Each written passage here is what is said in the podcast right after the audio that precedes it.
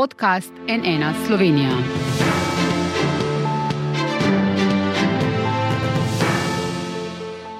Dobrodan, to je NN studio. Ne samo njena stranka, veliko tistih, ki jih zanima slovenska politika, je kar nekaj časa čakalo, kako se bo odločila.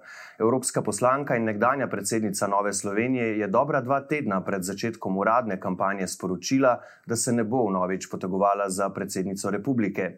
Je bil Janez Cigler kralj prva izbira ali rešitev v sili? Kaj meni o trenutnih favoritih javnomnenjskih anket? Bo šla po še en mandat evropske poslanke? Kakšni so odnosi s stranko NSI? Kaj meni o delu golobove koalicije in vlade? Evropska poslanka Ljudmila Novak, dobr dan, dobrodošli na NN. Dobr dan. Prvo vprašanje, zakaj se potem vendarle niste odločili za kandidaturo na predsedniških volitvah? No, jaz sem bila pred petimi leti že strankarska kandidatka, takrat sem dobila 7,2%. Skoraj identični rezultat se je potem ponovil eno leto kasneje na državno-zborskih volitvah, torej si omejen strankarsko. In eh, če bi želela dejansko um, zmagati ali imeti resne možnosti, potem bi se morala stranki odpovedati, eh, zbrati podpise, sestaviti svojo ekipo in iti tako v kampanjo. Enkrat sem že poskusila strankarsko, zato ni imelo več smisla. Eh, nisem pa našla dovolj volje, moči, motivacije, da bi šla v ta projekt. Pa tudi zapustiti stranko, ki si jo ne na zadnje eh, toliko let vodil, ji pripadal, eh, je zelo težko. In zato sem se odločila, da pač ne bom kandidirala. Sem pa zelo vesela, da smo vendarle dobili dobrega kandidata za predsedniško tekmo, ki ga 100% ali pa rekla sem 200% podpiram, ker ga tudi dobro dobro osebno poznam, več let je bil naš sodelavec. Se hvalim, da sem ga naredila za kralja, ker sem ga poročila ženo, ki se je pisala kralj. Um, ker on se ne dela prijaznega, on je prijazen, on se ne dela ljudskega, ampak je ljudski. Uh, skratka, lahko postane dejansko moralna avtoriteta. Um, naredil je veliko dobrega v času, ko je bil minister, seveda ga pa obremenjuje spet ta Eh, strankina osko, če tako rečem, omejenost kot strankarskega kandidata, eh, in pa seveda tisti, ki niso eh, odobravali prejšnje vlade, vedno te to potem nekako spremlja. Bova o Ciglerju kralju kakšno rekla še v nadaljevanju, ampak najprej to, zakaj menite, da bi vi morali, če bi želeli nastopiti kot neodvisna kandidatka, pa izstopiti iz stranke. Imamo primer dolgoletnega poslanca SDS Anžeta Logarja, ki ga je zdaj kot neodvisnega kandidata podprl svet stranke SDS, ki ga vodi Anže Logar. Uh, Milan Brgles, prej SMC, zdaj vaš kolega, evropski poslanec SD, bi bil lahko neodvisni kandidat s podporo koalicijskih strank, vsaj v to smer gredo zdaj ti pogovori. Torej, zakaj menite, da bi vi morali potem izstopiti iz nove? No, ne nujno izstopiti, uh mhm. -huh. ampak vsaj iskati širšo podporo. Uh mhm. -huh. Strankarsko podporo širšo bi težko dobila, ker na desnici vemo, da nisem ravno prva izbira neke druge stranke. Eh, na levici bi tudi težko iskala podporo, torej bi dejansko morala biti nestrankarska kandidatka. Seveda, meni je tudi pisalo, nagovarjalo eh, me veliko ljudi, ki niso strankarsko opredeljeni, pa so nekako me videli eh, v tej vlogi, in zaradi tega sem tudi rekla, bom resno razmislila. In sem razmišljala, sem tehtala te možnosti, potem pa, ko sem videla, tudi kako so se stvari postavile, da je skoraj so že zmagovalci določeni, pa se mi je zdelo tudi nepotrebno, da grem eh, v ta boj. Mi je pa bilo hudo, prav za tiste ljudi, ki pa so vendarle verjeli vame, zaupali, si želeli. Tako da vsem tem se opravičujem, eh, da nisem zbrala te eh, moči. Um, ker teh ni bilo malo, ki so me vendarle videli na tem mestu. Ja, eh, sami ste rekli, da 2017 na zadnje niste dosegli prav dobrega rezultata, eh, malo več 7,24 odstotka, 54,400 eh, voljivcev izpad v prvem krogu. Zdaj, če malo analiziramo in primerjamo število glasov za vas in stranko NSI na zadnjih volitvah, je, gre res v to smer, kar ste tudi sami prej omenili, da niste uspeli nagovoriti nekako širše baze voljivcev od strankine. Ne? Čeprav zdaj je bil tisti, da so vas predvsem bolj nagovarjali nekateri na levem polu, ne? Eh, predvsem zato, ker ste kritizirali prevladojočo SDS in njenega predsednika eh, Janeza Janša, ali potem niste verjeli, da, to, da so ti pozivi neka realna podpora, ki bi se potem odrazila na volitvah, če bi dejansko kandidirali. Ne? Je bilo to torej tisto, v to niste verjeli? Ja, ker um, ko uh, imajo ljudje, ki strankarsko glasujejo na volitvah, uh, svoje kandidate, rečejo v prvem krogu, bom podprl svojega, naprej pa potem uh mhm. -huh. tega in tega. Zato pa pravim, da bi morala dejansko zbrati širši krok ljudi, podpisnikov, ki bi me podpirali, in potem bi bile uh, realne možnosti. Um, seveda, jaz svojega odnosa uh, do neke druge stranke ali pa njenega vodja, nisem nikoli spremenjala, ampak vedno sem pač povedala tisto, kar me je motilo ali pa kar se mi ni zdelo primirno, in eh, to bi tudi sedaj naredila v vsakem primeru. Tako da je potem težko dobiti tudi podporo z te strani. Ja, eh, Janez Cigler, kralj je kandidaturo s podpisi osmih poslancev Nove Slovenije, tudi svojega, uložil kot drugi, takoj za Gregorjem Bezenškom. Vsi vidnejši obrazi Nove Slovenije so bili tam na državni volilni komisiji poslanci, vas pa tam nismo opazili. Zakaj ne?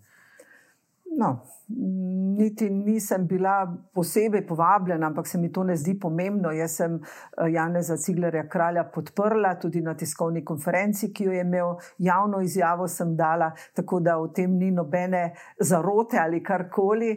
Dejansko ga podpiram, ker je dober kandidat, predvsem pa ker je zelo dober človek. Eh, oče ne blefira, eh, skratka, ga z veseljem podpiram pa pričakujete, se v tem ste že malo prej rekli, ampak pričakujete, da bo lahko vendarle kot kandidat stranke nagovoril širšo bazo od, eh, od tiste, ki jo ima Nova Slovenija, da dejansko lahko cilja na drugi krok?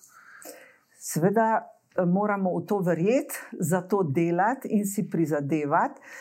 On, kot minister za delo, družino, socialne zadeve, enake možnosti, je naredil zelo dober vtis, oziroma je dobro delal. In tisti, ki so imeli neposreden stik z njim, ali eh, so bili eh, vodje v inštitucijah, ki jih je on nekako kot minister eh, vodil ali pa bil pristojen, na vse je naredil zelo dober vtis in si je dejansko prizadeval in z dobrim delom dokazal, da je sposoben, da čuti nekaj neko simpatijo, empatijo do različnih ljudi, ne glede na pripadnost, da ima socialni čut. Z tega vidika ga jaz vidim kot odličnega. Pravega kandidata za predsednika. Seveda, strankarska pripadnost te pa vedno omejuje. In eh, pred petimi leti vemo, da je bil kandidat ali pa velik favorit, aktualni predsednik Borod eh, Pahor. In takrat smo že vnaprej vedeli, da vsak drugi kandidat ima zelo malo možnosti, pa še večina stranke je imela svojega kandidata, saj nas je bilo, ne vem, 14 ali 15 kandidatov, tako da niti ni bilo pričakovati uh, strankarske podpore od drugih strank. Mhm. Kako zelo bo po vaše na razplet te tekme vplival umik kandidatke vladajočega gibanja Svoboda Marte Kos, kako gledate na njo? Cel kup nekih teorij se je pojavilo okoli tega, ker pač ona je rekla samo, da se umika iz osebnih razlogov zaradi spremenjenih okoliščin.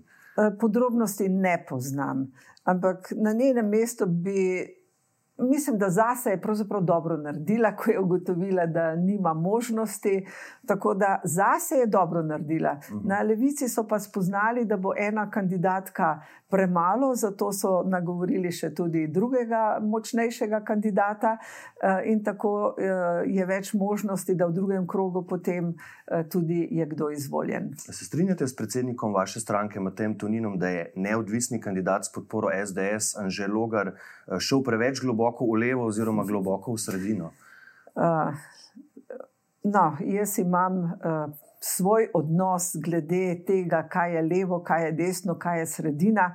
Za me ti pojmi niso najpomembnejši. Jaz postavljam na prvo mesto človeka, kakšna so njegova dela, kaj podpira, ali je pošten, ali si prizadeva za dobro.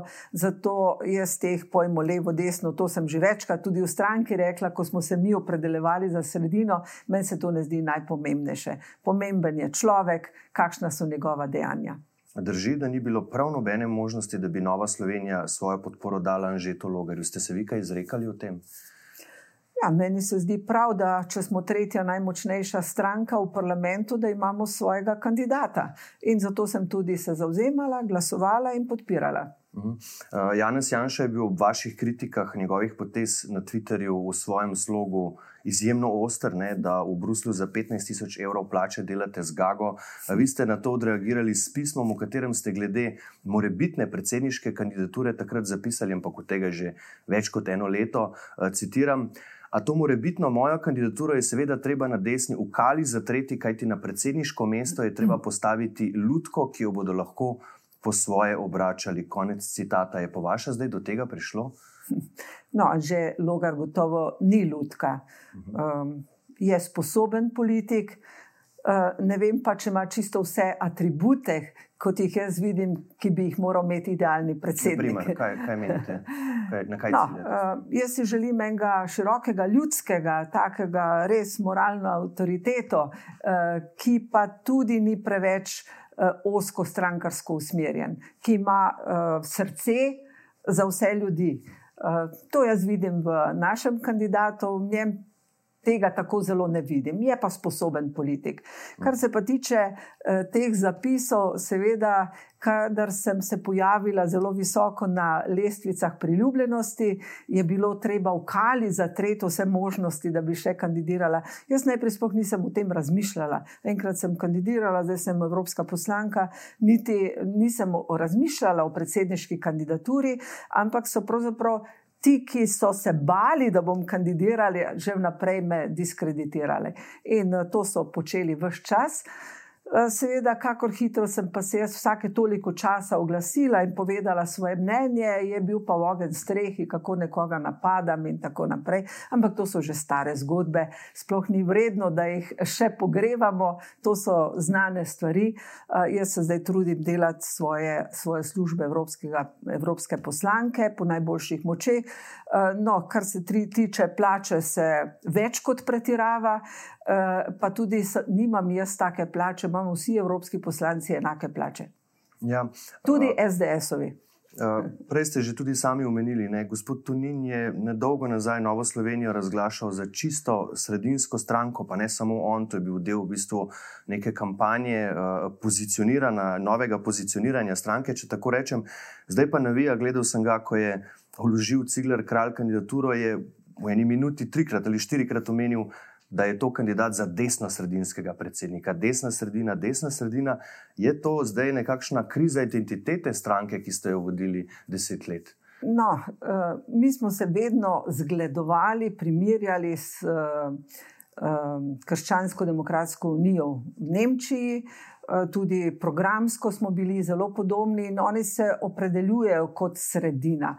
Mi smo vedno rekli, da smo desna sredina in tako mislim, da nas vidijo tudi ljudje. Sicer pa um, bom rekla, politologi to bolj teoretično razlagajo. Jaz, kot praktik v politiki, ki nisem tako, bom rekla, teoretično, politično podkovana, pa pač na te izraze ne polagam toliko pozornosti. Ja, eh, ljudje imamo neko čisto človeško težnjo, da stvari predalčkamo, verjetno je to povezano uh, tudi uh, s tem. Zanima me, um, v kakšnih odnosih ste trenutno sicer s stranko, koliko stikov uh, imate z vodstvom, hodite na organe stranke? Ja, na organe stranke hodim. Delno smo tudi imeli seje preko Zuma, tako da sem se jih odeleževala, če sem bila v tujini, bila sem na strankinem posvetu, na kongresih, torej na vseh najpomembnejših dogodkih. Zagotovo pa nisem zdaj tako tesno povezana, upeta v vsakdanje dogajanje, ker pač nisem v slovenskem parlamentu, ne hodim na poslansko skupino, čeprav me vabijo in lahko grem. Eh, skratka, nisem. Ne hodite?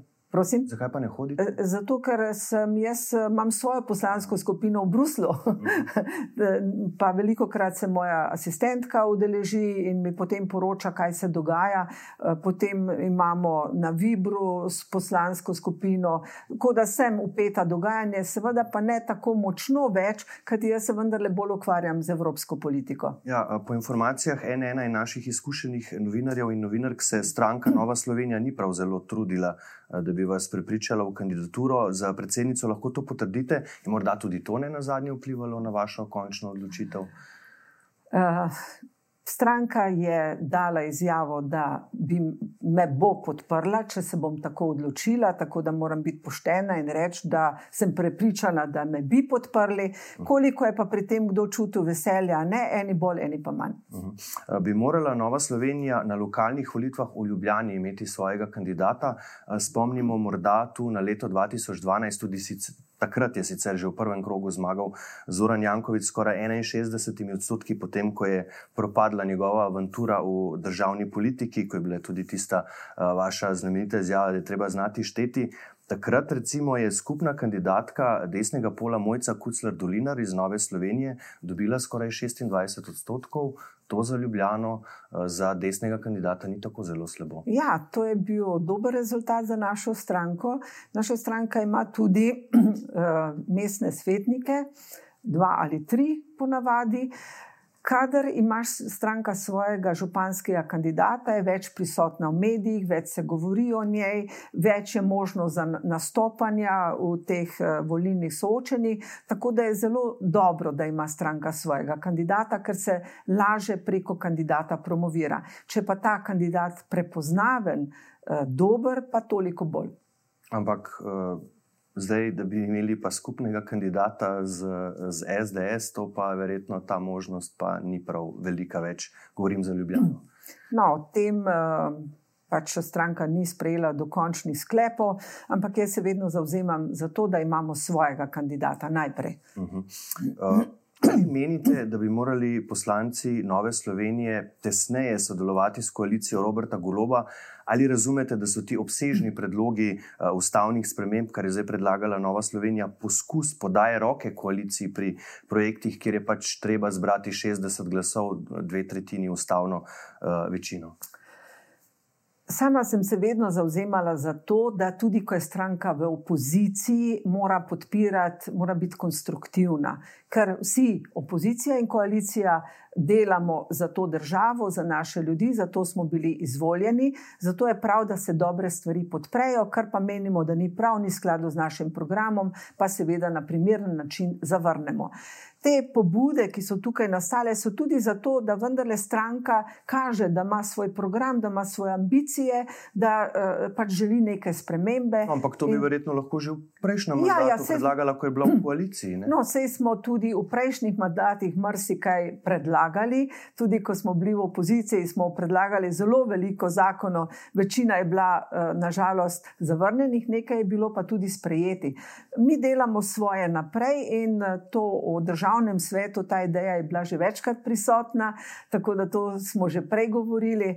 Ukolikor bodo seveda stranke našle skupne uh, točke oziroma se bodo strinjale, bo do tega prišlo. Uh, tako da jaz sem vedno za konstruktivno sodelovanje, ker se mi zdi narobe, da takrat, ko si v opoziciji, vse zavračaš, uh, tudi dobre stvari kritiziraš, potem pa, ko si sam na vladi, si pa želiš konstruktivno sodelovanje opozicije. Moraš najprej sam pokazati, da si konstruktiven, pripravljen sodelovati, potem pa mislim, da lahko, ko si na vladi, tudi to pričakuješ od uh, opozicije. Ja, prejšnji vladi so za prejšnjo opozicijo govorili, da pogosto nagaja.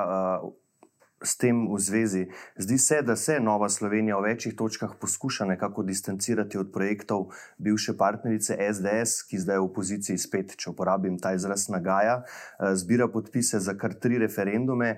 Zdaj vidva sta s kolegom, evropskim poslancem Milanom Zverom, izmenjala kar nekaj ostrih besed na internem sestanku EPP-ja, posnetek je potem šel v javnost, ker ste želeli, da se določene stvari uh, razčistijo. Vi ste takrat tam uh, na tem sestanku za poraz prejšnje koalicije okrivili izključno Jana Zajanša. Ali menite, da je to tudi širše mnenje znotraj stranke, da zdaj zato tako poskuša Nova Slovenija se pri določenih stvarih pač distancirati od SDS-a? Mi smo vsekakor samostojna stranka. Uh, vem pa, da ko si v vladi, je težje uh, Eh, kritizirati svoje vladne partnerje. Uh, jaz sem pač povedala svoje mnenje, ker pač ne znam lagati ali pa blefirati ali pa ne povedati tisto, kar mislim.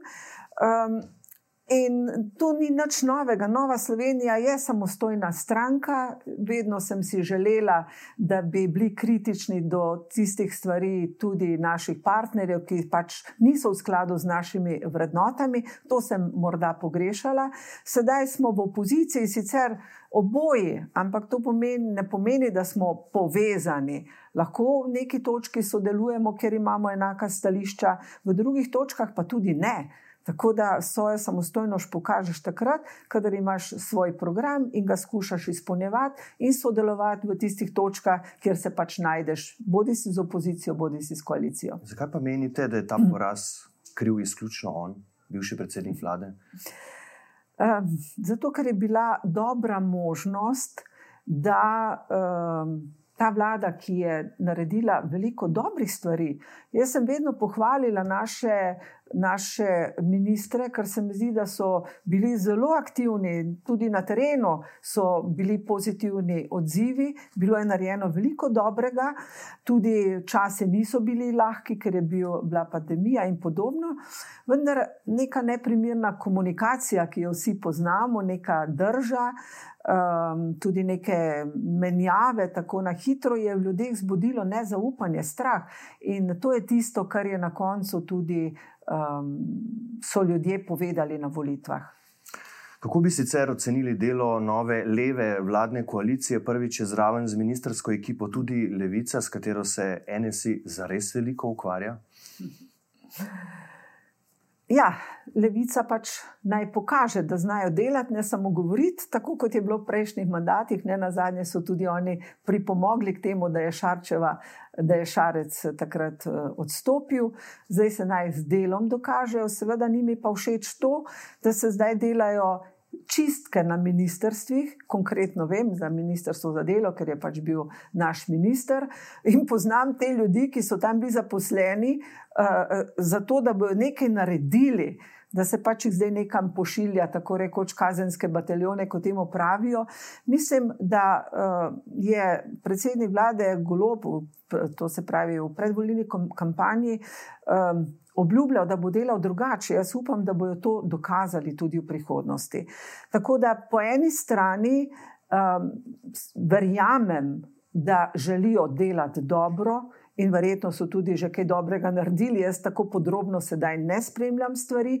Vem, da je bilo tudi nekaj napak, naprimer tisto, ko so dali razpis, da bodo pokupili uh, vso slovensko pšenico od kmetov. Tisto je bilo zelo uh, čudno in je tudi stvar propadla. Um, verjamem tudi, da nekdo, ki pride na novo, na nek položaj, ne more biti tako hitro učinkovit, pa vse delati kot nekdo, ki ima že več let izkušenj na tem teh eh, mestih. Eh, tako da jaz še vedno pričakujem, eh, da bo ta vlada ustrezno reagirala v tej energetski krizi. To ne na zadnje lahko upravičeno pričakujemo od predsednika vlade, ki ima na tem področju največ izkušenj, da bodo. Ker se cela Evropa ukvarja zdaj z energetsko krizo, z draginjo, in tako naprej. Tako da jaz upam, da je tukaj pravi mož na pravem mestu. Um, Za zdaj pa ne pa, vidite tega da je pravi mož na pravem mestu. Kar ste kar videli se, do zdaj? Jaz govorim, kar se tiče energetskih ukrepov. Uh mhm, -huh. Mhm. Zdaj ne morem reči, da so se že tako pokazali kot uh, zelo pozitivni, ker še nismo dosegli največje uh, kritične ali pa najniže kritične točke. Uh, kar se tiče kadrov, tukaj bi želela, da bi se delalo drugače, kot se je mogoče v prejšnjih vladah delalo, da bi na prvem mestu bilo uh, znanje, pripadnost, Eh, strokovnost, ne politična pripadnost. Sama sem, ko sem upravljala vodilne funkcije, sem uh, sprejela tiste ljudi, ki so prej delali pod drugo oblastjo, pa ko sem videla, da dobro delajo, sem jim dala vse možnosti. Tako da jaz upam, da bo uh, ta vlada dokazala, da zna delati tudi tisto, kar je prej kritizirala pri prejšnji.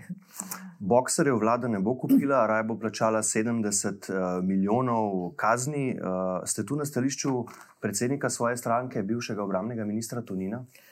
Mislim, da je Tunin kot obramni minister dobro upravljal svoje naloge, z veseljem tudi marsikaj izboljšal. Mislim, da mu to tudi strokovna javnost priznava. Sama nisem uh, strokovnjak za to področje, tako da ne morem ocenjevati, ali je, so ti boksari dobri ali niso, ker beremo tako in beremo drugače. Se pa sprašujem, če je smiselno, da zaradi nekega nasprotovanja se ta pogodba prekine in damo kar nekaj deset tisoč uh, oziroma nekaj deset milijonov uh, v prazno. To se pa sprašujem. Je bila pa pogodba, to je pa res treba priznati, podpisana ne, tik preden se je pač prejšnja vlada poslovila, ko je v bistvu že tekoče posle upravljala. Uh, to je sicer res, ampak kolikor vem, se je v teh boksarjev govorilo, načrtovalo že pri prejšnji vladi. Mm. Predvsem pa mislim, da morajo biti to strokovne odločitve, ne politične. In takšne nabave, mislim, da ne načrtuje minister, ampak da to vendarle vojska s svojim strokovnim štabom načrtuje. Tako da jaz strokovno se ne morem izraziti, ali uh, so ti dobri ali niso dobri. Sem pa zato, da uh, je prav, da imamo kot država svojo vojsko, da jo primerno opremimo, da je ne izstradamo, tako rekoč, ker kljub temu, da vemo, da ne bi nikoli mogli samo zadostno se upreti večjemu agresorju, pa vendar je pomembno, da imaš uh, vsaj nek del. Prebivalstva, neko vojsko, na katero se lahko upreš v primeru agresije. Prej ste omenili že energetsko krizo. Se je po vaše vlada ustrezno lotila težav, ki pestijo državljane vse bolj? Ne? Eh, včeraj smo denimo dobili primerjalnik cen košaric šest največjih trgovcev. Eh, že kar nekaj kritik je bilo na ta račun. Kaj menite vi? No, um, to je želja, volja nekaj narediti. Ali bo ta projekt uspel, je pa tako, da Slovenci že vnaprej smo skeptični za vsako stvar. Menim pa, da je to da je to tudi zelo težko primerjati, ker je težko, lahko se sklicujemo samo na cene, ampak je tukaj še kvaliteta, eh, razni popusti in tako naprej. Tako da je to en poskus. Kako vendarle uh, doseči, da trgovci ne bi šli čez vse meje. Ne vem pa v tem trenutku, ali bo ta poskus uspešen ali ne bo. Ali tudi vi ob vse splošni dragini pogrešate odločnejši odziv Evropske komisije? Ja, Eh, Evropska komisija se trudi, poskuša, vemo pa, da Evropska komisija sama od sebe ne more narediti nič dokončnega. Evropska komisija pripravi predloge, ki jih pa morajo potem potrditi države članice, pa Evropski parlament, ki je so zakonodajalec. Eh, ta soglasja doseči pa je eh, vseeno teže. Kljub temu menim, da se aktivno, da so prizadevanja zelo aktivna in da bomo vendarle skupaj najlažje prešli to krizo, ki ne bo lahka, po zimi se bo šele pokazalo. Nekateri imenujejo, da bo to Putinova zima, zaradi tega, ker se bomo znašli v še večji energetski krizi. Tako da samo skupaj lahko se najbolje znajdemo ali pa uh, upremo tej krizi ali pa iščemo najboljše rešitve. Tako s solidarnostjo med državami, tukaj treba izboljšati tudi povezljivost energetskih sistemov.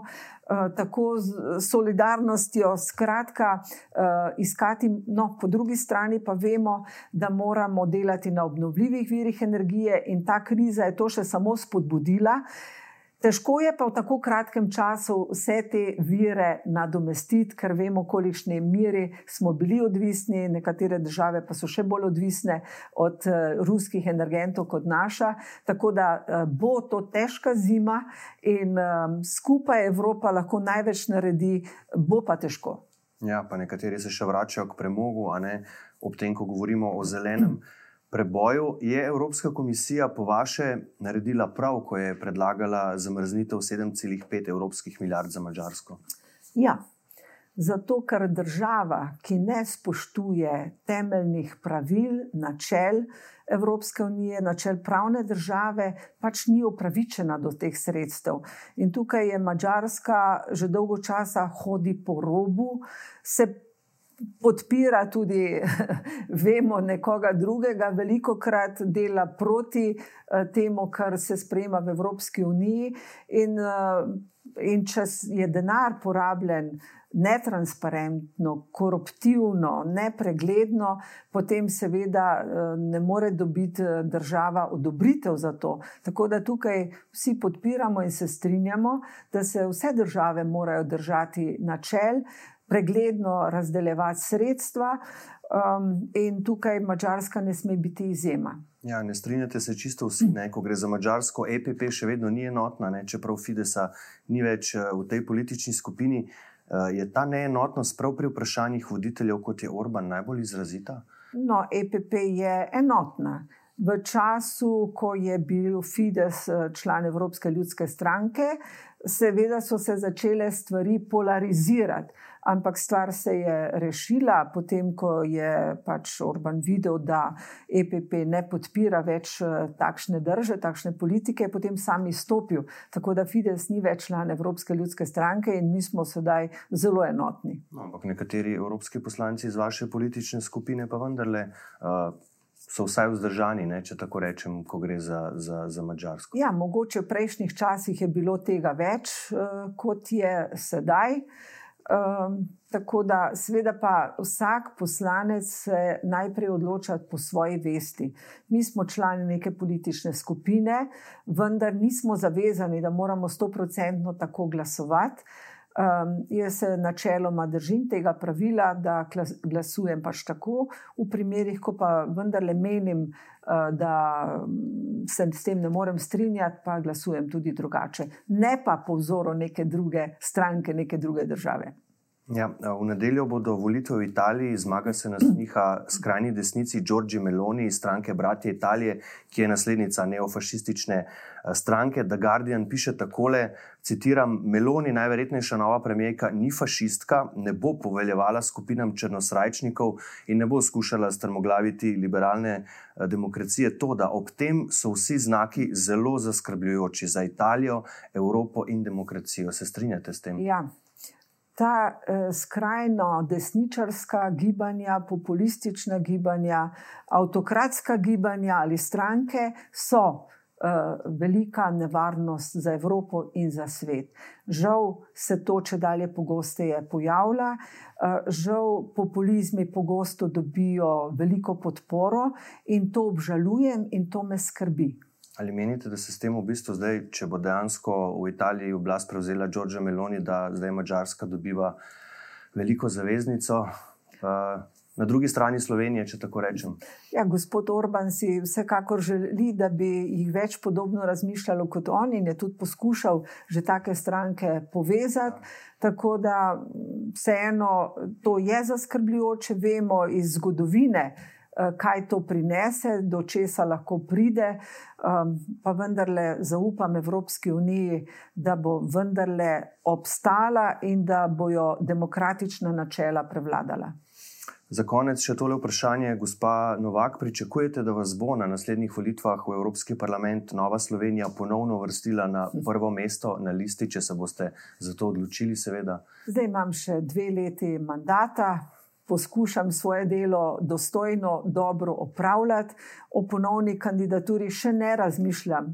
To bo čez dve leti, takrat bomo videli, uh, kakšno kakšne so okoliščine, kakšne so možnosti. Seveda bomo takrat na novo pretehtali situacijo in se odločali. No, ampak, če do tega pride, če vi spremete odločitev v to smer, je za vas neka naravna odločitev stranke, da vas uvrsti spet na prvo mesto listo, glede na to, da ste aktualna evropska poslanka. No, uh, Seveda, vse je možno. Mhm.